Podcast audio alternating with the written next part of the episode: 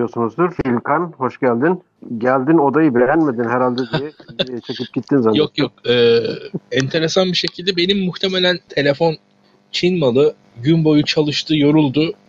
Aha, o kendi- ısınmıştır. Girmemeyi tercih etti. Ben de şu anda laptop'tan girdim. Laptopa kulaklık falan taktım. Ama yo, önceden şey yapardık biz. Bujiyi bir zımparayla tekrar şey yapıp tekrar bir e, pompala. Ya ben aç, bujiyi açtım kapattım. Aslında belki tekrar şunu denesem girebilir diye tahmin ediyorum. Ama bakalım. Bakalım. Zaman. Tamam gay ben gayet net duyuyorum seni. Okey. Okey hocam. Hoş Hoş geldin. Happy Thanksgiving. Aynen öyle. Hindileri yedin mi? Ya herkese mübarek olsun diyelim. Ee, kutlayalım. İnananların şükran gününü. Şükran, şükran günü mü diyoruz? Ee, aklıma geldi. Evet, evet. Hocam bunun hikayesini falan da anlatır mısın? Kızını... Şimdi tamamen iyice... Ya o değil. Buyur. O, e, o değil. Onun hikayesi her yerde bulunur falan da o ilginç bir şey. FDR zamanında bu Thanksgiving tarihini değiştiriyorlar biliyorsun. Thanksgiving tarihini şey için değiştiriyorlar. O zaman işte e, Great Depression, Büyük Buhran var. Büyük Buhran'dan sonra ne yapsak, ne etsek, bu şeyleri harcamaları nasıl arttırsak falan diye şey yaparken bir tanesinin aklına Kasım ayının son perşembesi değil de Kasım ayının dördüncü perşembesi yapalım bunu diyorlar. Oradan bir 3-4 gün önceye çekelim milletin harcamasını diyorlar. Bu Black Friday var ertesi gün. Şimdi onu bile düşünüyorlar böyle şimdi devlet zora düştüğü zaman oradan bile o üç günde bile insanları biraz daha erken halbuki bir şey değil Şimdi yani. hocam, üç gün sonra yapacağı harcamayı Ee, önce alıyor. Bizde şey vardı. Benim dönemimde biz ilkokul öğrencileri olarak Yıldırım Akbulut'u çok severdik. O çünkü tatiller evet. yapardı ve 11 gün falan bir, bir kurban bayramı tatili vardı. Gerçekten e, Evet. o hala yıllardır hatırlarım. Boşluğu dolmadı buradan. E, rahmetli Yıldırım Akbulut'u da analım. E, gerçekten bu Evet. tatillere ihtiyacımız var hepimizin. Onu söylemem lazım. Ya hocam biraz şey ben ben burada ol- olunca ben lafı çok götürüyorum. Birazcık Yo yo ben gayet Evet. ben seni dinlemekten hiçbir şikayetim yok. Hatta geçenki program bayağı iyiydi. Ee, Burak Hoca ile yaptığımız şey. sağ olun hocam. Onu diyeceğim ama senin aklında başka bir şeyler var. Ya hocam bu, bu şey bu biraz ben e, kendi hayatım boyunca hayatımın önemli kısmını enflasyonla yaşadım. Hatta Aşağı yukarı aynı yaşlarda. tabii hocam tabii siz benden birkaç yaş daha büyüksünüzdür. Hemen hemen aynı yaşlardayız. Tamam. Öyle söyleyeyim. E, ben hayatımın önemli kısmını enflasyonla yaşadım. Benim yani Kemal Derviş gelene kadar ha indi ha inecek ha indi ha inecek dendi. O zaman kine kadar da tüm programlarda o zamana kadar da IMF programları, IMF programları vardı. Hepsi de başarısız olmuştu. Tabii 19. 19. 19. program zannedersem de onun ilk 10 tanesi falan e, çok böyle küçük çaplı, küçük kapsamlı 60'larda 70'lerde biraz proje finansmanı şeyinde. Ah senin telefon canlandı. Evet. Ya, hocam. Neyse. o telefon çok canlı hocam. Diskoya çevirdiğim Ya hocam IMF işte programlarıyla biz e, büyüdük ama yani genelde de bir işe yaramayan işte genelde IMF temsilcileri işte bir şeyler söylüyorlar. Bir programlar yazılıyor. Şöyle şöyle olacak. Böyle böyle olacak. Onlardan sonra sadece vatandaşa acı reçetesiyle hatırlanan IMF programlarıyla büyüdük. Ama Kemal Derviş'le de esasında yine bir acı reçete uygulandı ama sonuçta hakikaten de hayatımın bir 10 yılında o kadar da bir enflasyon olmadan yaşadım. Öyle söyleyebilirim. tek basamaklı enflasyon yaşadın. en Evet azından. en azından gördüm yani hani ondan öncesinde aktif olarak sürekli bir enflasyon işte cebimde şu kadar para var şu kadar e, olacak şimdi alırsam daha karlı sonra alırsam daha karlı işte ayın şu şu aylarda daha gelirim yüksek bu aylarda gelirim az işte kira şu kadar kira şu kadar arttı gibi Maaş, maaşı alınca boz, e, dolar alayım ayın ortasında bozdururum şeklinde hesaplar. Tabii tabii aynen öyle. Tamamen böyle hesaplar. İşte altın mı iyi, dolar mı iyi falan. Ee, bunun gibi hesaplarla açıkçası hayatımız geçti. Bu hesapları ya içerisinde olarak ya duyarak ya kendim yaparak yaşadım ama kısa bir periyotta da az çok bir şeyler düzgünde gitti gibi ama ya hocam bu nedir bir defa? Ya enflasyon ni- niye olur? Bize biraz bir onu anlatsanız. Yani enflasyon niye olur? Neden enflasyon olur?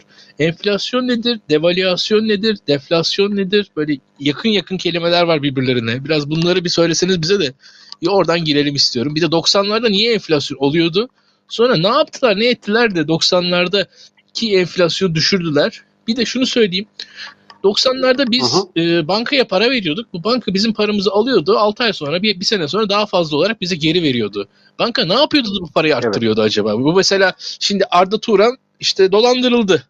Fakat işte biz 90'larda dolandırılmıyorduk. Bankaya veriyorduk. Banka bir şeyler yapıyordu da bu parayı bize daha fazla yapıp geri veriyordu. Bu nasıl yapıyor da bu banka bu işi beceriyordu? Bir de bunu da söylerseniz iyi olur diye düşünüyorum. Bence bilmeyen çok kişi vardır. Olur mu? Şeylerde bankerler 80'lerde 90'larda e, dolandırma e, bayağı eski bir meslek. O zamanlarda vardı. Horzum mu? Yok Horzum değil. Ka Castelli miydi? Castelli. Sen Castelli vardı. Ondan sonra e, o zamanlarda da vardı bu tarz şeyler.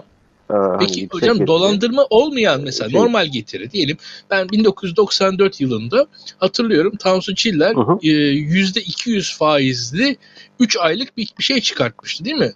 Öyle bir şey. Şimdi en basitten biraz daha tekniğe doğru gideyim Tabii. istersen. Bir e, ne olduğunu en, en başında enflasyon nedirden başlayayım. Hı hı. Oradan devam tamam edeyim. Çünkü bunun e, Trilema'ya veya Impossible Trinity dediği, denilen şeye kadar götüreyim oradan.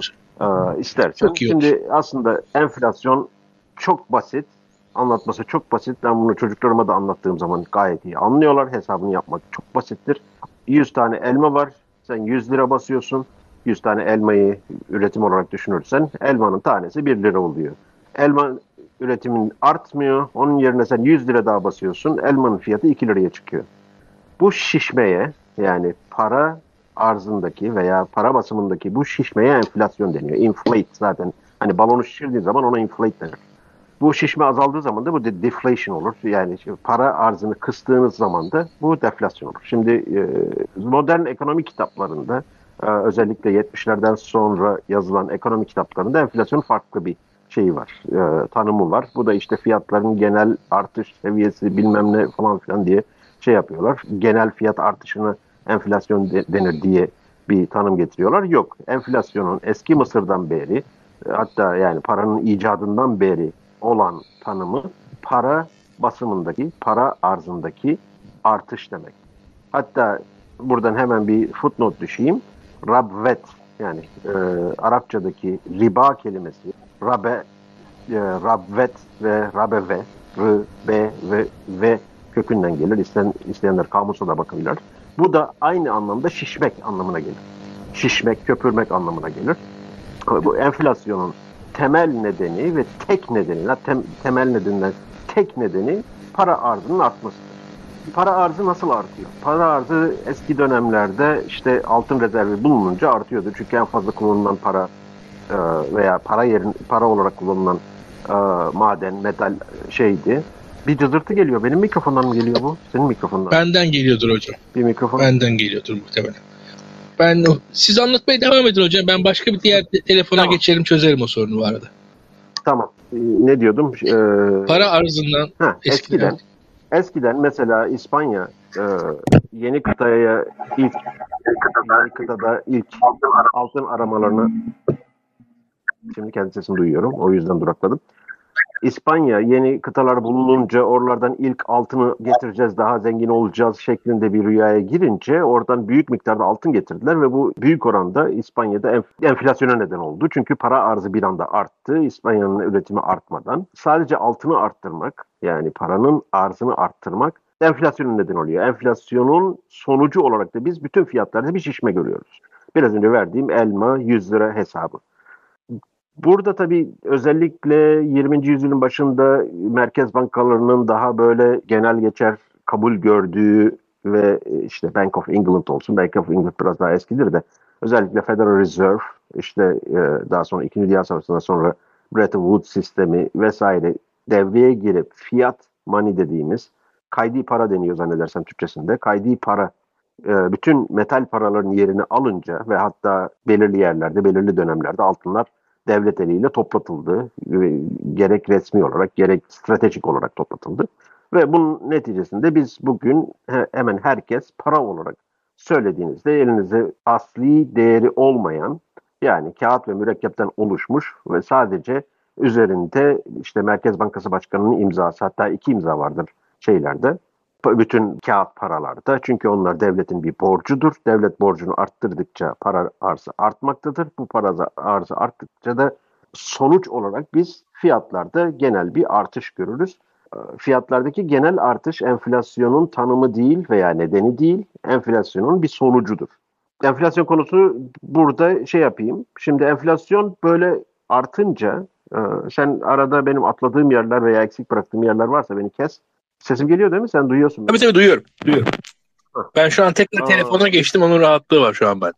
Evet fark et fark ettim. Bir çıkıp şey yaptım. Biraz önce e, kendi sesimi de duyuyordum. Şimdi daha iyi. Tabii şu soru hemen akla geliyor. Ya madem enflasyon böyle bir şey ve enflasyonun enflasyona neden olacak para basımını neden engellemiyor devletler diye. Tabii burada eski Mısır'dan beri sürekli onu şey yapıyorum çünkü tarihsel olarak kayıtlarda bu enflasyonist e, stratejiler her çoğu zaman savaş finansmanı için kullanılmış. Çoğu zaman hazinede para kalmayınca, hazine tam takar olunca Roma'da da bu aynı şey görülmüş. İngiliz kraliyetinde de bu aynı şey e, aynı şey görülmüş. Biraz önce İspanyol krallığından örnek verdim. Amerika'da da bugün aynı şey gör, e, oluyor. Finansman anlamında en kolay finansman yöntemi ve şeyde ekonomi derslerinde buna en güzel örnek alkolizme alışmak. Nasıl alkolik olunur? Onun çok benzer bir şekilde analojisi çok mükemmel oturan bir örnektir bu. İnsan nasıl alkolik olur? Önce yavaştan bir, bir iki tane şey yaparsın. O bir anda seni neşelendirir, ortamı coşturur. Bütün şakalar daha komik gelmeye başlar. İyi bir ortam olur. Herkes eğlenir vesaire. Sabah bunun hangover'ı başlar. Baş ağrıysa uyanırsınız. Yani enjoyment dediğimiz bunun zevki, bunun e, şeyi öncesinde gelir. Bunun pain'i yani bunun acısı sonradan çıkar.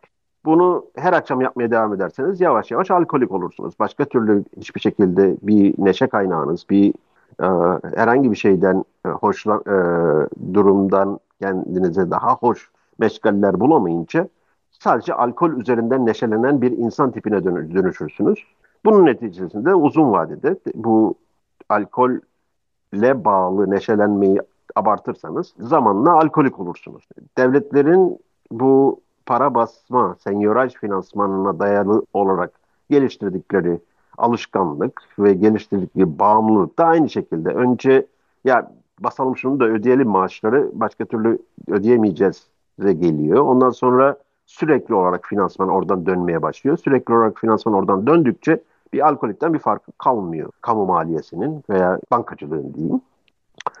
Bunun sonucunda insan alkolik olduğu zaman iş hayatında bir başarı beklenemez. Sosyal hayatında bir başarı beklenemez. Aile hayatında bir başarı beklenemez. Arkadaşlık hayatında yani hiçbir yerde bir iyiye gidişi beklemek çok mümkün değil. İnsan sağlığının iyiye gitmesi beklenmez. Bu tabii gittikçe her para basımında alabileceğin neşe de gittikçe azalır ve sonunda alkoliklerle kimse şey yapmaz. Alkolikler sürekli bir dram şeyinde devam eder. Alkolikten nasıl kurtulur insanlar? Alkolü keserek. Yani alkolikten hani spor yap, alkolizmden kurtulursun e, veya çevreni değiştir veya oturduğun evi değiştir şeklindeki reçeteler ancak ve ancak alkol içmeyi bıraktığınız an geçerlidir. Dolayısıyla devletlerin bu enflasyon bağımlılığından kurtulmasının tek bir reçetesi vardır. Para basmayı bırakacaklar. Tabii para basmayı bırakacaklar dediğiniz anda devletler bunu istemez. Ee, çünkü büyük bir finansman kalemi ve öyle bir finansman kalemi ki bu gerek diğer borçlanma finansmanıyla gerekse vergi toplama borçlanma e, vergi toplama finansman şeyine göre çok çok daha avantajlı. Çünkü kimsenin ruhu duymuyor bir defa para bastığınız zaman. Artık duyuyorlar da bak herkes bakıyor şeylere. İkincisi hiçbir şekilde bir kanun vesaire bir yerden onay almanız gerekmiyor.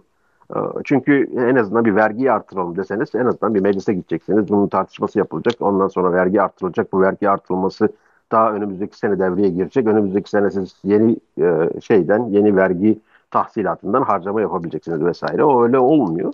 Hemen bir gecede Merkez Bankası Başkanı'na veya Merkez Bankası şeyine para basmasını şey yapıyor. Tabii günümüzde hemen öyle bir telefonla falan para basılmıyor da bu iş biraz daha düzene girmiş durumda.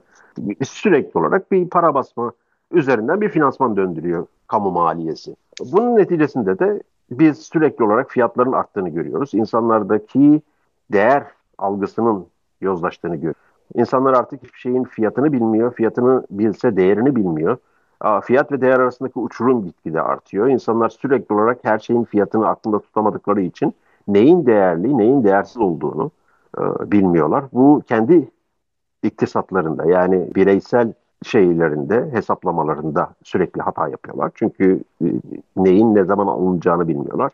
3 ay sonra alınması gereken bir şeyi bugünden al, alıp kar ettiklerini düşünüyorlar. Halbuki inventory cost diye bir şey vardır veya zaman maliyeti vardır her şeyin. Bu tarz şeylerde insanların değerlerinde ciddi bir yozlaşma oluyor. Sadece bu değerleme veya psikolojik bir etki olarak söylemiyorum bunu. Şu oluyor mesela şeyi duymuşsundur herhalde daha önce de anlatmıştım ben onu. Yumurta ve kolesterol hikayesi. Şimdi yumurta kolesterol çok fazla ve zararlı olarak bizim neslin en azından beynine kazınmıştır. Çok yumurta e, e, sende de var mı aynı şey bilmiyorum senin ailende de öyle bir şey oluştu bilmiyorum. Ya, 70'lerde. O bilgi bizden birazcık daha büyüklerde daha tartışmasız bir bilgi hocam. Bizle beraber azaldı. Şimdi bunun şeyi The Great Inflation diye bir kitap vardı. Yazarını aklı, aklımda değil şimdi. Bunun şeyi 1970'lerde Amerika'da enflasyon yükselince şeye soruyorlar. Yani bu istatistikçilere soruyorlar. Fiyatlı en en fazla yükselen şeyler nedir? Enflasyonun baş sorumlusu olarak onları e, buldukları için yumurtanın fiyatı çok yükseliyor. Yumurtanın fiyatı çok yükselince şeye bir telefon açıyor. Yani nasıl e, iletişime geçiyorlarsa geçiyorlar. Ya bu yumurta hakkında bir şey bulamaz mıyız? Bu insanlar yumurta almayı bıraksınlar diye. E, ve o dönemde Amerika e, hükümetinin enflasyonla mücadele için FDA'den talebi üzerine yumurtanın çok kolesterol içerdiği ve bu nedenle çok sağlıksız bir besin olduğu üzerine bir kampanya başlatılıyor. Bütün o aklımızda yumurta, kolesterol hikayesinin başlangıç yeri burası. Yani hiç sağlıkla falan filan şeyi yok. Tamamen bu enflasyonla mücadele için yani alkolü bırakmamak için bahaneler uydurulur ya. Şimdi aslında orada da çok yapıyor. Yani alkolü bırakmamak için bin bir türlü bahane uydurulan alkolik misali devlet bu para basma alışkanlıktan da para basma bağımlılığından vazgeçmemek için fiyatları e, şey nar koyuyor, fiyatları kontrol ediyor. İşte yumurta kötüdür diyor. Arabalara o biraz da şey e, petrol kriziyle alakalı enflasyonist dönemde arabalara hız limiti getiriyor. Herkes mesela arabalara hız limitinin de işte kazaları azaltsın diye getirildiğini falan filan düşünür bu tarz şeylerde. Onun tarihine gidersen orada da işte arabalarda en az yakıt kullanımı bu hızda olduğu için o hızı e, federal veya eyalet şeyleri e, o hız limitini oluşturuyor. Yani burada anlatmaya çalıştığım şey o para basma alışkanlığını ve bağımlılığını bırakmamak için her türlü farklı farklı stratejiye gidiyor devletler ve e, özellikle 1971'den sonra 1971 Nixon'ın altın penceresini tamamen kapattığı ve doları karşılıksız dolar basma e, serbestlisini getirdiği yıldır. Ondan sonra bir yandan Amerikan hükümeti, diğer yandan bütün merkez bankaları harıl harıl para basıyorlar 1970'lerden bu yana. Burada hani yumurtada olduğu gibi vatandaş enflasyon altında yani artan fiyatlar karşısında ezilen vatandaş da alternatif veya substitute, yedek kame mallar arıyor. Yani e, steak yemiyor, steak'in biraz daha kalitesini şey yapıyor ki daha ucuza gitsin. Bu uzun vadede bu enflasyon sürekli devam ettiği, ettiği zaman bir anda kaliteli gıda piyasadan çekiliyor. Çünkü kaliteli gıdayı kimse almıyor artık. Esas kalitesiz gıda, bir alt kalite gıda her yerde e, daha fazla dolaşımda olduğu için, herkes onu aldığı için bir anda kaliteli gıda da ortalıktan ortalıktan yok oluyor.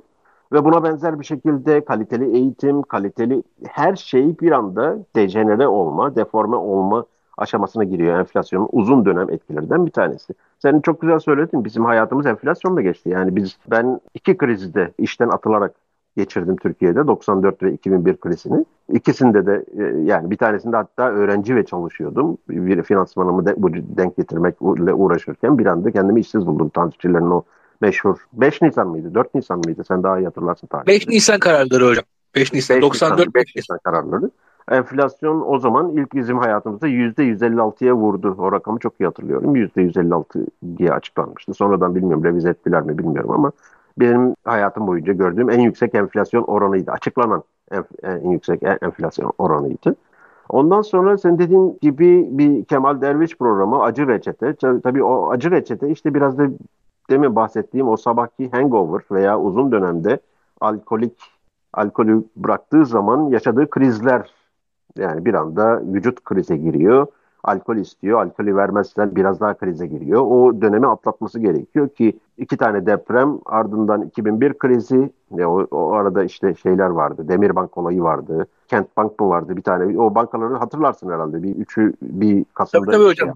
Demir Bank'ı gayet hatırlıyorum. Orada kurdaki artış kura dayalı bir borçlanması vardı galiba Demir Bank'ın sanırım. Öyle bir Demir Bank'ın o da... olayı şudur. Şimdi IMF programı 99 sonunda anlaşılan IMF programı kademeli bir şekilde e, enflasyonu bir buçuk ila üç sene içinde tek basamağa düşürmek üzere kurulmuş bir programdı.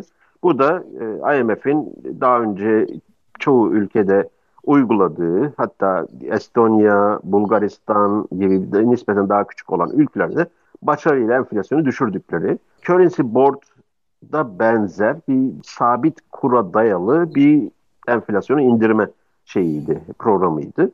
Ee, bu tarz programlarda öncelikle bu enflasyon beklentilerinin kırılması için dolar üzerine TL'yi dolara sabitliyorsunuz.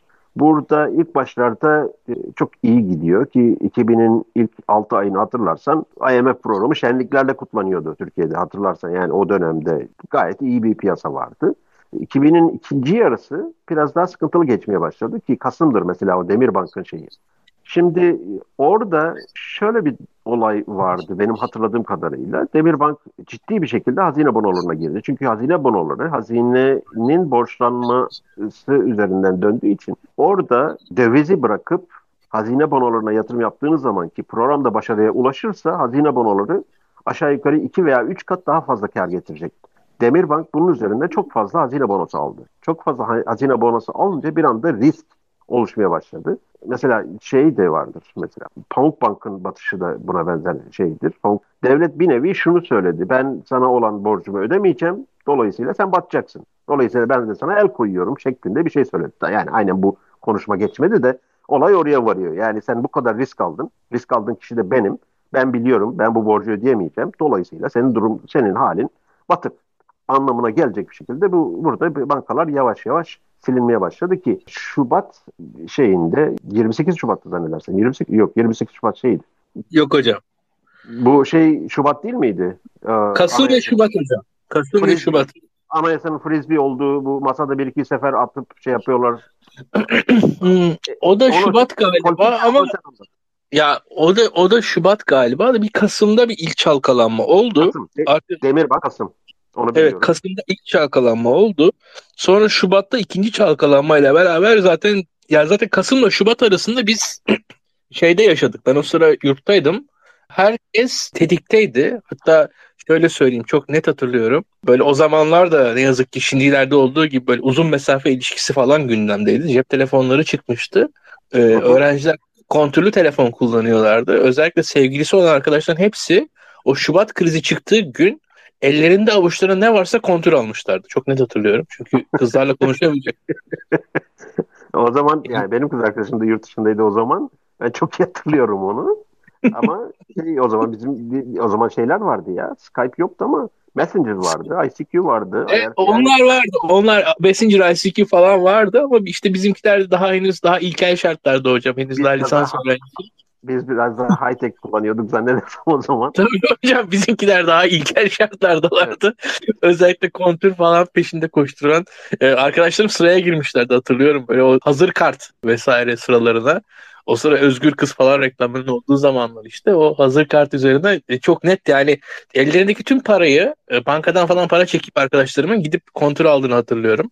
Kendi babam da o sırada çalıştığı kurumda bankalarla pazarlık eden bir pozisyondaydı. Onun da bana bir haber verdiğini, bugün tehlikeli bak bir şeyler olabilir falan dediğini hatırlıyorum. Yani, enteresan bir şekilde internetin ilk zamanları hocam onlar Türkiye'de. İlginç Yok, bir 95-96'da gelmişti internet. Ya Ama tabii ki yani internet kafelerin yayılması depremden sonraydı. Depremde internet evet, bayağı bir yani, yürünce. Tabii tabii. Ya ama şöyle söyleyeyim yani bir dedikodunun şöyle söyleyeyim. Ya Twitter yoktu, Facebook yoktu, sosyal medya bugünkü gibi yoktu. E, mail grupları daha fazla hakimdi. Ee, o yüzden aslında dedikoduların enteresan bir yayılma oranları var. Mesela ekşi sözlükte daha fazla gerçek ve yalan bilgi oluyordu ve daha manipülatif bir şekilde etkili de oluyordu o zamanlar. Bir, evet. bir entry Evet. Yani e, o zaman öyle bir internet vardı. E, atıyorum itiraf.com'un interneti, ekşi sözlüğün interneti falan diyebilirim. Mail gruplarının hakim olduğu bir ortam vardı. Hürriyet yorum sayfasının, Hürriyet'teki haber yorumlarının etkili olduğu zamanlarda onlar. Öyle söyleyebiliriz. Enteresan bir internet. Yani şimdiki gibi bir sosyal medya yoktu. Hiçbirimizin suratları gözükmezdi. Akıllı evet. telefonla dijital kameralar öncesi bir çağıydı. Yani dijital kamera vardı tabii aslında ama herkes de yoktu. Yani benim mesela ben sabah akşam internetteydim ama dijital bir fotoğrafım yoktu açıkçası. Ancak vesikalık fotoğrafım vardı. İnternette var hiç yani Efendim? webcam olayı zaten webcamli laptop olayı çok sonradan devreye girdi de o webcam vesaire falan filan olayı sonradan geldi diye hatırlıyorum. Tabii ben. tabii. Aynen öyle bir zamanda. O yüzden dedikoduların enteresan bir yayılması ve enteresan bir gücü vardı. Mesela bugünkünden daha farklı geliyor bana onlar. Bugün mesela borsa manipülasyonları WhatsApp gruplarının, Telegram gruplarında oluyor hocam Türkiye'de. Hı hı. Şimdi o zamanlarda mail gruplarında oluyordu. Evet. Daha forumlarda falan oluyordu o tarz şeyler enteresan şekillerde. Dediğiniz gibi ICQ vesaire o tarz işler vardı doğru. Ee, o tarz Ama onlar iş... bu şekilde sosyalleşme yani sadece evet, kontağını evet. bilmeniz lazım. Kesinlikle kesinlikle bu şekilde sosyalleşmeyi sağlamıyordu onlar. Kesinlikle katılıyorum. Ee, farklı bir sosyallik vardı ve şunu söyleyeyim o zaman bu bankalarda yaşanan kriz, e, bankalarda yaşanan ve yaşanacak krizler az çok böyle bir gün veya 6 saat, 12 saat, 24 saat, 36 saat öncesinden bir inceden yayılırdı hocam. Yani ve ve enteresan bir şekilde böyle küçük küçük herkes önlem alırdı. Herkes gider kontrol alırdı. Ben benzin alan denk geldim ben açıkçası. Ama gerçekten kriz arkadan geliyordu. Dan, dan diye vurdu bizi. Şimdi o dedikodular ben çok şey yaptım. Sürekli şey yapardı. Program devam edecek mi? O zaman IMF görevlisi ayda bir gelirdi. Hesapları kontrol eder, geri giderdi vesaire. Ama krizin fitilini ateşleyen bizim başbakanımız olmuştu. Yani orada o için biraz Tabii. perde arkasını da biliyorum. Yani bu şeyler anayasayı birbirine fırlatıp kavga ediyorlar. Kavga ettiği konuyu da bugün çoğu kimse hatırlamaz. Hangi konuda kavga ettiklerini de kimse hatırlamaz. Çünkü şey devlet e... denetleme kurulu nasıl çalışır falan üzerine kavga ediyorlar hocam. Sen hatırlıyorsun bak çok güzel hatırlama. Ee, seni buraya biz getirdik diye anayasa bak burada bu yazıyor benim görevim bu seni buraya biz getirdik. Nankör vesaire Ecevit'le Ahmet Lütfi Sezer miydi? Ahmet, Ahmet Necdi Sezer hocam da ya o tartışmada e, hukuki olarak Sezer haklı bu arada yani. hukuki olarak Sezer haklı da şimdi orada ilginç bir şey de oluyor. Benim sonradan birkaç kişiden dinlediğim şey bunları yatıştırıyorlar. İkisini de ayrı ayrı bir odaya alıyorlar. İkisine de birer sigara veriyorlar. Ecevit'te, Setere, Hüsamettin Özkan var vesaire. Yatıştırıyorlar bunları. Tamam diyorlar. İşte, e, ne milli ne toplantısıydı bu? MGK mı? Evet, evet MGK hocam MGK. Tamam diyorlar. Bu buradan hiçbir yere sızmasın. Toplantıya yarım saat sonra devam edeceğiz. Bir su içiyorlar, şey yapıyorlar falan filan.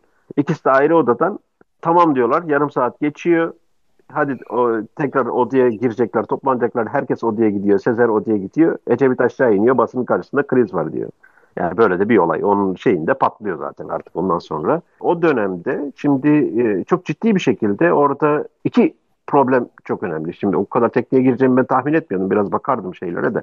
İki ciddi problem var orada. Bir tanesi özellikle hani Demirbank Kasım'da el konuldu ama Demirbank gibi çoğu bankada ciddi bir açık pozisyon var. Türkiye'nin gayri safi milli hasılası 200 milyar dolar o dönemde.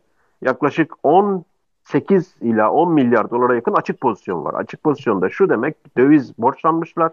TL şeyleri var ellerinde ve döviz bir anda patlarsa bütün bankalar batacak demek. Bu açık pozisyonu bir şekilde kapatmaları lazım eğer bir risk ortaya çıkarsa. Bunun şeyinde bir de kimsenin bilmediği kamu bankalarının görev zararı var esas döndürmeye esas döndürmeye zorlandıkları şey oymuş. O Kemal Derviş gelip bu bilançolar açıklandıktan sonra ortaya çıkan bir şey. Kamu bankalarının görev zararı da yaklaşık 22 milyar dolar. Yani düşünebiliyor musun? Gayri safi milli hasılanın, yurt içi hasılanın %11'i değerinde görev zararı var ve bunu taşıyor. Ve bunu o 28 Şubat diyesim geliyor ama 26 Şubat falan filan da olabilir tarihinden tam şey değil. O, o zaman gecelik piyasada İnsanlık tarihinin bir, bir tane hocamız öyle derdi. İnsanlık tarihinin en yüksek faizini ödedik derdi. Yani bu açık pozisyon ve e, şeyi görev zararlarını tekrar döndürmek için. E, tabii döviz orada yaklaşık 500 civarından 1800'e uçuyor. 3 kat fırlıyor. 3 kat fırladığı zaman bir anda üçte birine düşüyor herkesin dolar bazındaki geliri. Ve bir anda biz program program kalmıyor ortalıkta. Bir ondan sonra Kemal Derviş geliyor. Kemal Derviş büyük bir finansmanla geliyor. Kemal Derviş o zaman Dünya Bankası'nda Dünya, Dünya Bankası'ndaydı değil mi? IMF'de değildi. Dünya Bankası'nda. Evet, Dünya Bankası'nda. Dünya Bankası'ndan geliyor. Programın e, sağına soluna bayağı bir iyi bir şey, iyi bir bandajlama şey yapıp aynı programı farklı bir şekilde devam ettireyim derken e, orada çok iyi bir Merkez Bankası kadrosu vardı o zaman. Süreyya Serden geçti vardı. İşte Fatih kimdi? Evet, Aa, evet anladım. Çok Fatih. çok iyi bir çok tek, teknik anlamda çok kuvvetli bir Merkez Bankası vardı. Fa, soy ismini unuttum. Twitter'da falan da vardı yazıyordu bir aralar. Aşağı yukarı şeyde orada bir açık pozisyonları kapatmak için bir e, swap ihalesi oldu. Mayıs'tı zannedersem. Ondan sonra bu açık pozisyonlarını işte dolara endeksi kağıt vererek kapattılar. Aşağı yukarı şeye kadar Ağustos'a kadar falan bu e, tamiratla geçti. Dönem tabii piyasanın anası ağladı diyeyim. Yani ben de dahil. Ben o arada 6 ay işsiz kaldım. Yani hatta 3 ay evsiz de kaldım. Artık böyle hani kalacak yerim de kalmadı böyle. E, o tarz böyle bir şey. Ondan sonra e, şey de çok ciddi yani Türkiye'nin gündemi sürekli olarak bu nasıl toparlayacağız, nasıl şey yapacağız derken 11 Eylül'de ülkenin gündemi değişti. Hatırlarsın. 11 Eylül'den Tabii. sonra krizin etkileri de gitti. Yavaş yavaş açılmaya da başladı. Orada çok ciddi bir şekilde e, bu vadeli çek olayından tutun merdiven altı şeyler, işletmeler ciddi bir şekilde bir house cleaning oldu. Ciddi bir şekilde bir toparladık. Yani halın altında ne var ne yok hepsi çıktı. Hatta yani Hocam milyar 11 Eylül sonrasındaki olay yani 11 Eylül sonrasında Amerika'da para basmaya başladı. Şimdi onun etkisini Türkiye mi yaşadı yoksa bizdekilerin hani böyle aklı başında yok, politikaları Yok bizdekinin yurt dışı kaynağı yok. Yani bizdeki krizin e, herhangi bir şekilde yurt dışı kaynağı yok. Şimdi şey de hayır, hayır, 11 Eylül sonrasındaki evet. hani 2001 yani şimdi 2001 Şubat 21 Şubat tarihi o MYK toplantısı. Mayıs'ta dediğiniz 21. gibi e, dediğiniz gibi şey var. O, o önemli derviş kanunu işte derviş şeyi var işte o e, güç, güçlü ekonomi geçiş programı açıklanıyor. Evet. Ar- arkasından enteresan o yaz sonrasında 2001'in Eylül'ünden sonra bir, bir tık daha esasında ekonomi işler hale geliyor gibi. Evet. Onu çünkü orada aşağı yukarı bu görev zararı artı açık pozisyon kadar finansman getirdi Kemal Derviş ülke.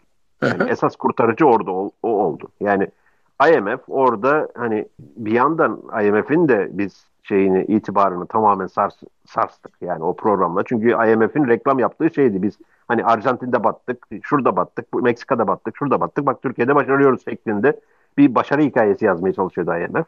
Ondan sonra IMF'le tekrar bir 3 yıllık uzatmalı orada 2000, 2005 programı yapıldı. Ve burada esas şu, 21 Şubat'tan 11 Eylül'e kadar dönem çok sıkıntılı geçti için. İşte dışarıdan gelen finansmandır, şudur budur onların sayesinde o borçlanma ihtiyacı azaldı. Ondan sonra hani dünya gündemi 11 Eylül'den sonra farklı yöne e, kaydı. Türkiye gündemi de farklı yöne kaydı. Şimdi Amerika tarafına parmak bastığın iyi oldu. Amerika'da bir Long Term Capital Management, LTCM krizi vardı. Bu Rusya ve Asya krizinden sonra gelen. Bu da Nobel'li uzmanların kurduğu büyük bir şey Şimdi dolandırıcılar geldi. Dolandırıcı demeyeyim adamlara da bunlar da bir devasa bir riskle piyasayı batırdılar. Piyasayı batırmamak için de Fed bunları e, şey yaptı, kurtardı ve o 90'lardan gelen bir para basma şeyi vardı. Hatta bu dot-com bubble dediğimiz olay oluştu. Türkiye e, şey Türkiye'den bağımsız olarak Amerika'da. Hatırlıyorsun o zaman yani acayip bir şekilde bu çekirge gibi, çekirge sürüsü gibi dotcom'lar çıkmış. Tabii, ee, tabii. Ve bunların hepsinin de kar edemeyeceği çok açık bir şekilde belliydi. Ondan sonra Şimdi, federal Hatta bu Yahoo'nun falan bir şeyi vardı. Bir piyasa değeri falan filan. Onları hatırlıyorum ben o zaman. Tabii tabii. Yani bu Google o zamanlarda o dotcom'lardan survive edenlerden bir tanesi. Yani Google'ın Google survive etti. Google gibi 5 Ya hocam biz o zaman e, derslerde falan şeydi birkaç tane daha arama motoru vardı. Şöyle aramalarda bizim hocalarımız bize şu, şunu kullanın, böyle aramalarda bunu kullanın falan diye bize tüyo verirlerdi. Evet, evet. Google hatta çıkmadan önce Alta Vista vardı benim şey yaptım. O tabii, biraz tabii. daha farklıydı. İşte Yahoo vardı. O farklı farklı şeyler vardı. Netscape vardı. Napster vardı. Onlar bayağı bir böyle hani batmasına çok ihtimal vermediğim dominant şirket diyeyim internet bağlantılarında. Ama şimdi Amerika'da para arzını kısmaya doğru gidiyordu o dot-com bubble'dan sonra, o balonun patlamasından sonra çok kısa süreli bir e, resesyon yaşamışlardı o dönemde. Tabii 11 Eylül olunca Amerika'da başladı para basmaya. Biz ilginç bir şekilde 2001'in... Hatta hocam 11 Eylül sonrasında W. Bush şöyle bir açıklama yapmıştı. Amerikan halkı alışverişe devam etsin diye açıklama evet, yapmıştı. Evet. Çok, evet, onlar resesyondan korkuyorlardı. Çok net hatırlıyorum o açıklamayı. Yani hani hatta ilk açıklamalarından biriydi. Biz çünkü bir de Türkiye'den bakınca da biraz gülünç geliyordu. Yani orada bir terör saldırısı olmuş. İşte Amerikan başkanı çok kritik bir laf söyleyecek diyor. Aman alışverişe devam edin diyor. Hakikaten biraz gülünç gelmiş Türkiye'den baktığımız evet. zaman onu da söyleyeyim. Evet doğru söylüyorsun. Ondan sonra biz 2002'ye biraz daha iyi girdik. Yani 2001'de bu ev temizliği, bahar temizliği, kış temizliği ne, adına ne dersen de bankaları ciddi bir şekilde konsolide ettiler. Kamu finansmanını ciddi bir şekilde konsolide ettiler. Orada hatta senin hala hatırlar mısın bilmiyorum. Primary surplus neydi? Herkes bu nedir bu nedir diye, diye Türkçesini bulamadım tam. Hatırlıyor musun o bütçenin faiz dışı kalan kısmındaki Faiz dışı bütçe fazlası hocam biliyorum. Ha, fa, faiz dışı bütçe fazlası. Sürekli olarak o rakam takip edilir bizde. Yani aydan aya o rakam takip edildi. Faiz dışı bütçe. Yüzde altıya falan çıkmıştı galiba. Yüzde altı buçuk. Yüzde altı buçuk program requirement'ıydı. Şimdi Hocam siz benim hafızı iyice derinlere doğru soktunuz. Hatırlamaya başladım her şey. Yüzde altı buçuk faiz dışı fazla şeyi vardı programın requirement'larından bir tanesi. Ve onu Türkiye başarılı bir şekilde devam ettirdi. O yüzde altı buçuk daha sonra yüzde beş dört diye kademeli bir şekilde azalıyordu. Ama onun es- esas amacı oradaki o faiz giderini sı- sırtlayacak kas geliştirme. Hani Arda, Arda Güler sakatlanıyor sürekli kaslar yani o kası geliştirmek için o faiz dışı fazlayı biraz daha biraz daha biraz daha devam ettirdi. 2002 şeyinden sonra olay biraz daha açıldı. Hem enflasyon program, ilk programdaki hedeflere yaklaşık bir 6 ay arayla yakınsamaya başladı ve biz ilk defa 2003'te tek basamaklı enflasyonu gördük. Şimdi bak bu konulara gireceğim hiç aklımda değildi bakmadım rakamlara falan. Rakamlara baksam daha e, şey konuşurdum. 2003'te zannedersem ilk defa biz tek e, basamaklı enflasyona ulaştık. Şimdi ondan sonra yani o şey yapıp kara göründü olayından sonra Kemal Derviş de cozuttu. Yani hatırlarsan Kemal Derviş hiç olmadık bir zamanda CHP'nin genel başkanı olmak istiyorum. Hatırlıyor musun onu? CHP'nin genel başkanı değil de DSP vardı hocam orada. Şu DSP'nin... yok yok yok yok. Solu birleştiren insan ha, solu, solu birleştiren evet. olmak istiyorum. Evet evet. Şimdi, aynen. Solu Mayıs falan da zannedersem 2002'de bu. Yani her şey tabii, tam tabii. düzelmiş, program devam edecekken bir anda böyle bir çıkış yapması. Şimdi ya karşında Deniz Baykal var. Kimin elinden hangi koltuğu alıyorsun? Deniz Baykal Daha Deniz Baykal yok hocam. Karşıda Ecevit var şu anda henüz. Hayır, CHP'nin başında Deniz Baykal var. Şeyde Ecevit var. Yani solu birleştirecek. Bu ne demek? İkisine de kapıyı gösterip kendisi lider olmaya çalışıyor. Yedirirler mi sana o politik parsayı? Dolayısıyla orada hiç ortada yokken bu ekonomi gündemini siyasi gündeme çeviren kişi gene Kemal Derviş'tir. Sonrasını biliyorsunuz zaten. Sonrasını ya hocam işte Kemal yazın. Derviş siyaseten Türkiye'deki en e, acemi insan olabilir muhtemelen öyle tahmin ediyorum. Yani ben şöyle şöyle bir noktadayım hani siyasetçi denilen insan grubunu çok aşağıladığım, çok eleştirdiğim olmuştur. Ama Kemal Derviş'te gördükten sonra şunu anlıyorsunuz. Ya, siyasetçide de varmış demek ki belli bir kalifikasyonlar. Çünkü hani adam onu hiç bilmiyor. Yani tam anlamıyla yani büyük bir cehalete sahip. Siyaset nedir? Siyasi ilişkiler nelerdir falan diye ve orada e, Kemal Derviş'in etrafında bir hareket yapılmaya çalışıldı işte. Onu da hatırlarsınız. Ee, Yeni Türkiye evet. Partisi, İsmail Cem falan böyle. Onlar bir parti kurdular. Sonra evet, hep ya bir... oy verdim ben. Ya hocam onlar hep beraber Kayseri'ye gittiler tamam mı şimdi? E, hat, bilmiyorum hatırlıyor musunuz? İlk İsmail toplantı. Cem. İsmail Cem Kayseri vekili seçilmişti 1999'da. Ecevit Apo'yu yakaladığı için sürpriz bir şekilde oyu artınca Kayseri'den İsmail Cem milletvekili seçildi. Yani, yani İsmail Cem seçilemesin diye aslında Ecevit Kayseri'ye koymuştu muhtemelen. Kayseri birinci sırada İsmail Cem milletvekili seçiliverdi. Sonra arkasından Yeni Türkiye Partisi kurulunca ilk mitinglerini, ilk toplantılarını Kayseri'de yaptılar ve büyük bir yani hayal kırıklığıyla karşılaştılar. Orada Kayseri'de bunlar şey diye bekliyordu. Kayserili halkımız işte Kemal Derviş de var, İsmail Cem de var. Buradaki işte bu topluluğu büyük bir heyecanla, büyük bir umutla karşılayacak.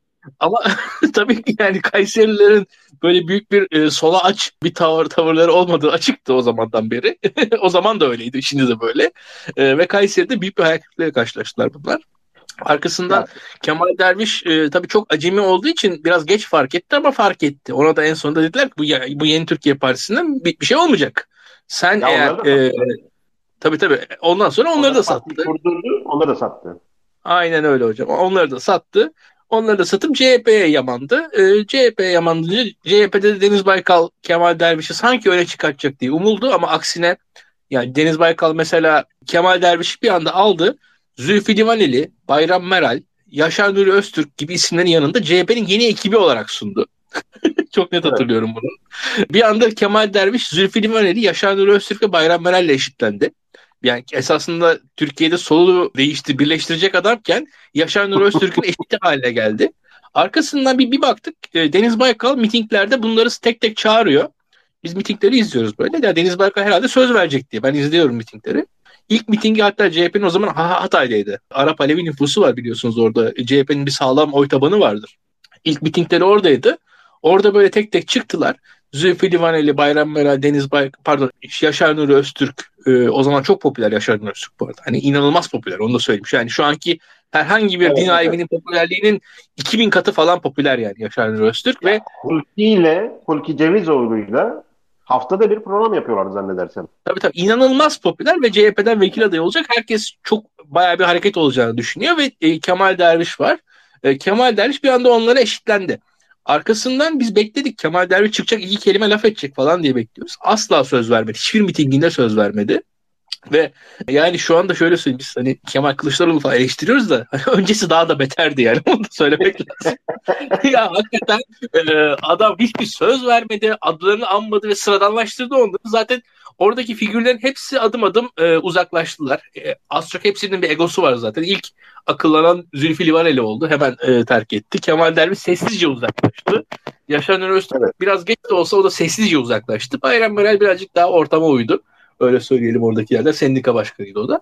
Yani gerçekten de e, Deniz Baykal bir anda kendisi için tehdit de olabilecek aslında. Önde gelen siyasi figürleri aldı, yumuşattı, uyuşturdu, bitirdi ve heyecanı yok etti. Çok güzel bir şekilde. E, bir CHP liderine yakışacak bir şekilde belki de denilebilecek şekilde.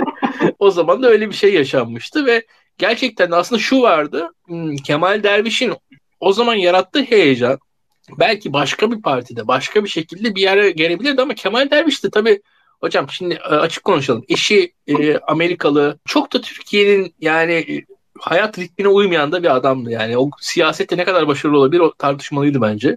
Onu söylemem eşi, lazım. Türkiye'ye çok fazla gelmedi. Evet yani o işte o, o hareketler, o tavırlar yani tabii ki şu gerçek. Türkiye'nin en zor durumunda görevini terk ederek Türkiye'ye gelmesi, bakan olması, o medyatik karizma gerçekti. Onu söylemek lazım. Şimdi herhangi bir figürde olmayan bir karizmaydı o anda geldiği anlık karizması. E sonuçta az çok programı da başarılı olmuştu. Yani daha önceki programlara göre. Yani mesela şunu söyleyebiliriz. Tansu Çiller vaat ettiğini gerçekleştiremeyen bir liderdi. Yani Boğaziçi'li bir profesör, Robert Kolej'de vesaire. Ama ekonomi yönetimi pek anlattığı gibi değildi. Kemal Derviş ise vaat ettiğini gerçekleştirebilen bir figürdü aslında. Öyle ya da böyle. Enflasyon düşmüş müydü? Düşmüştü. Ama bunu kapitalize edecek e, sosyal siyasal sermayeden bence yoksundu Kemal Derviş. Zaten o yetenek de yoktu. Yani o spark, o kıvılcım, o heyecan, o ışıltı da yoktu Kemal Derviş'te diye düşünüyorum. Arkasından zaten adım adım Deniz Baykal tarafından, siyasetin ekabilleri tarafından tasfiye edildi. O da zaten kaçtı. Sanırım gene Dünya Bankası'na mı kaçtı? IMF kaçtı. Bilmiyorum nereye gitti en son. İşte o da gitti bir yerlere. Ama, ama yani hiç gereği yokken o Mayıs gibi, 2002 Mayıs gibi Türkiye'yi seçime götüren adımları attı. Ya şöyle söyleyelim, bunu, şunu söylemek lazım hocam burada. Ee, çok genç arkadaş izliyor bizi.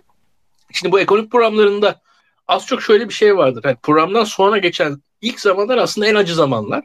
Ve adım adım bunun da nemalanacağı, hani ekonominin az çok rayına gireceği zamanlar belli bir süre geçtikten sonra oluyor ister istemez. Tam onu söyleyecektim ben de. Yani biraz önce verdiğim alkol örneğinde o krizleri yaşama, o vücudun yaşadığı krizlere benzer ülkenin krizleri yaşaması işte 2001 ve 2002'nin ortasına kadar sürekli olarak bir dar boğazdan geçti ekonomik anlamda. Ama bu programın o faiz dışı fazlanın sadakatli bir şekilde sürekli olarak sağlanması, hedeflere uyulması meyvelerini 2000, 2000'nin sonlarında ve 2003'ün başlarında vermeye başladı. Türkiye'ye finansman gelmeye başladı. Enflasyon hatta şöyle söyleyelim. Sabretselerdi Evet. 1999 seçimleriyle kurulmuş bir meclisin hükümeti oldukları için 2004'e kadar aslında başta kalabilirlerdi. Evet. Kendi aralarında kavga etmeseler. Tekrar kazanırdı. Ecevit tek başına kazanabilirdi. Programın başarısının şeyleri neticesinde. Çünkü 2003'ten sonra ciddi bir şekilde e, programın artık meyvelerini yeme zamanı geldi. Onu da işte Babacan ve etrafı sahiplendi zaten. Hani bu bizim başarımız diye. Orada özelleştirmeler geldi, şeyler geldi, finansman akışı. Biraz önce söylediğim görev zararları 22 milyar dolardı. Türkiye'nin şeyi bir anda 200 milyar dolardan 150 milyar dolara düştü. Yaklaşık veya 180 e, gayri safi hasılası. Ama ondan sonra bir 3-5 yıl içinde bunu iki katına 600 milyar dolara 700 milyar dolara çıktı 2007-2008'de. Yani çok ciddi meyve toplandı 2003, 2004, 2005 döneminde. Ondan sonrasını ben Türkiye'den e, izlemedim ama popülizmin başlaması da 2006 civarındadır. Meşhur 2005 Diyarbakır konuşması vardır. Hatırlar mısın bilmiyorum. Ya biz e, ekonomi konuşacaktık, siyasi tarihe daldık. İlkan sen mi? ya ben de biraz böyle ama şu önemli. Ben hocam sizin blogu takip ediyordum. Türkiye'de az çok İlk böyle... İlk oradan oldu zannedersem. Tabii tabii oradan oldu, oradan oldu. Türkiye'de şaka maka liberal çevrelerde bu Tayyip Erdoğan'a ve Tayyip Erdoğan derken Ali, Ali Babacan'a ve e, ekonomi yönetimine ya bu böyle yanlış hareket diyenlerden biri sizsiniz diyebilirim. Şaka maka yani. İlk evet hatırlıyorum 2006'nın Şubat'ıydı zannedersem ilk defa popülizmin ayak sesleri diye bir yazı yazmıştım şeyde. Yani Aa, genelde yani. şöyle ya o bloktaki yazılar çünkü o zaman şeydi ya ya genelde e, seküler hayat yaşayan e, az çok yazarları vardı o bloğun. E, ama yani siz e, Tayyip Erdoğan'ı sevmiyoruz ama bak doğru işler yapıyor bu adamlar diyen birçok yazı yazılırdı. Ama E, sizin o bir yazı orada enteresan. Ya bu adamlar yanlış iş yapıyor arkadaş diye evet. ilk yazı yazdığınızı hatırlıyorum yani. O, o aklımda. Evet orada işte o popülizmin ayak sesleri diye yazmıştım zannedersem. Şeyde 2006'nın başlangıcı çünkü meşhur o 2005'teki Diyarbakır konuşması ve onun ardından bir anda tekrar IMF programının iptal edilmesi, disiplinin elden bırakılması, tekrar seçim musluklarının açılması ve biz bu işi bitirdik. Bundan sonra artık kendi yolumuzda gideceğiz diye bir zina tartışması başladı. Çok hatırlamıyorum daha detaylarını da. Ama ondan sonrası tekrar işte 2008 seviyelerinde devam etti ekonomisi. En son baktım yani son rakamlara bakmadım ama herhalde e, en yüksek seviyede 2008 mi 2013 mü hangisi bilmiyorum. Çünkü yurt dışındaki e, e, mortgage krizinin de bir etkisi oldu oradan sonra. Ondan sonra da tekrar aynı seviyelere gelmedi zaten.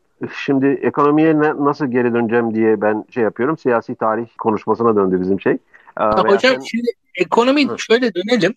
Şimdi 1990'larda mesela benim evet. babaannem işte zeytinyağı üreticisiydi. Zeytinyağı biliyorsunuz hocam iki yılda bir büyük gelir elde edersiniz. Evet. O yüzden de parasını bankaya koyardı. Evet. Hatta repo falan yapardı. Faize koyardı. Faizini alırdı. O iki yıl boyunca faizini yerdi, yerdi, yerdi, yerdi, yerdi. Bitirirdi iki senenin sonunda. Ve sonunda da iki senenin sonunda tekrar bir zeytinyağı hasadı olurdu. Zeytinyağı tekrar sıkılırdı vesaire. Tekrar zeytinyağı satılırdı. Bir büyük para gelirdi. O büyük parayı tekrar iki sene boyunca tüketmeye çalışırdı. Benim babaannemin klasik hayat döngüsü oydu. O yüzden de faizle çok yakın bir ilişkisi vardı benim babaannemin. Öyle evet. size. Şimdi bir, bir, bir basit soru. Bu bankalar babaannemden aldıkları parayı ne yapıyorlar hocam? Da babaannemin ha, parası artık. Hazineye borç veriyorlardı. Heh, bu çok önemli bence. Bunu bunu hatırlamak lazım. Yani 90'larda bankalar hazineye borç veriyor. Şu an bankalar ne yapıyor peki sizce daha çok? Gene hazineye borç veriyor. Tekrardan. Şimdi peki arada şöyle, şöyle hazineye borç şöyle, vermedikleri zaman kredi veriyorlardı. Bir de bunu da hatırlatmak evet. lazım. O, o da aslında bizim refahımızı etkileyen şeydi diye de eklemek gerekiyor diye düşünüyorum. Şimdi şöyledir. Banka aslında bir aracı kurumdur. Aracı kurumunun en büyüklerinden, en şeylerinden. Banka tasarruf sahiplerindeki paraları alır ve bunu krediye ihtiyacı olan gerek tüketiciye, tüketici kredileri veya daha önemlisi iş ortamına aktarır. Yani şirket kuracak, şirketi büyütecek, yani yatırım yapacak vesaire insanlara kredi açacak. Bunların elinde tasarruf yok. Çünkü tasarruflar genelde yaşı büyük olan kesimlerde olur. Onların tasarrufu fazladır. Girişimcilik ise daha fazla genç nüfusta olur. Genç nüfusun da şeye ihtiyacı vardır. Krediye ihtiyacı vardır. Şimdi devlet harcamaları devasa bir şekilde arttığı zaman devlet bu borçlanma piyasasına büyük aktör olarak giriyor. Yani bankada karşında bakıyor bir tanesi İlkan. Ya bunun hakkında bilgi toplasam da bu parayı bana geri öder mi ödemez mi bir riski var. Ama devlet orada devlet yani en kötü ihtimalle sana yeni para basıp verecek bunu. Dolayısıyla en garanti borçlanıcı pozisyonunda. Dolayısıyla herkesten önce devlet önce topluyor. Devletten arta kalanları İlkan topluyor. Ben topluyorum, sen topluyorsun, girişimci topluyor. Bu anlamda devletin bu piyasada sürekli olarak borçlanması e, aslında vatandaşın aleyhine bir durum. Yani orada şeyde.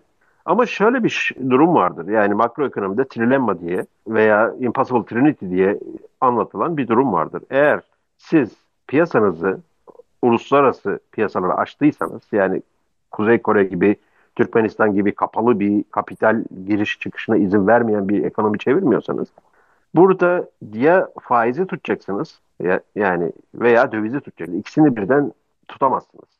Tansu Çiller'in yaşadığı kriz ben o dönemde bilmiyordum bunu. Sonradan okuyunca anladım. Aptalca bir kriz. Hiç gereksiz bir kriz. O hem faizi hem dövizi aynı anda baskılamak istedi. Hatırlarsan yani şeyde Tansu Çiller döneminde hazine ihaleleri sürekli ertelenirdi. Hatırlıyor musun o şeyi? Şimdi hikaye? hocam hatırlıyorum. Hatır, o, ben, ben de sizin gibi okuyarak öğrendim bunu. Onu da söyleyeyim. Hı hı. Ee, ama bu anlattığınız impossible trilemma dediğiniz şeyi iktisatta siz ikinci sınıf öğrencilerine mi öğretiyorsunuz yoksa üçe evet. mi? İki de öğretiyorsunuz evet. galiba yani. Hani, evet evet. Az çok. Herhangi bir makro almış. Menkıbe'nin kitabında yazar hemen şeyinde. In, hatta introduction dersinde bile öğretilir. Yani çok Tabii. bilinen. Yani bu, bu kadar bana enteresan gelen şey o bir defa. Yani Tansu Çiller Hani Boğaziçi Üniversitesi'nde profesör bu kadın. Evet. Yani hani bu, bunu bilmiyor olamaz. Ama bir yandan ne yapmaya çalıştı? Bir, bir yani Şimdi... Tayyip Erdoğan Nobel almaya çalışıyordu diyorduk. Dalga geçiyoruz da bir yandan hani orada da enteresanlık var diye düşünüyorum. Şimdi ekonomi profesöründen bekleyemeyeceğiniz bir şey. Yapabileceğini düşündü herhalde. Yani politika veya politik güç insan gözünü öyle bir karartıyor ki. Çünkü orada ben şeyi biliyorum. Sonradan onun hikayelerini dinledim. 12 kişiye gidi, gitti Merkez Bankası Başkanlığı'na teklif. 12 kişi kabul etmedi. 13. kişi kabul etti. Yaman Törner miydi o 13. kişi de onu da e, tam hatırlamıyorum Merkez Bankası Başkanı. Yani o kadar böyle güçsüz durumda aslında bunu fark etmesi gerekirken o tam tersine hem dövizi hem faizi baskılayabileceğini düşündü. Hem faizi hem dövizi baskılamak için hiç gereksiz bir şekilde o 5 Nisan 1994 krizini ortaya çıkardı bir anda patladı tabii. Faizler de patladı.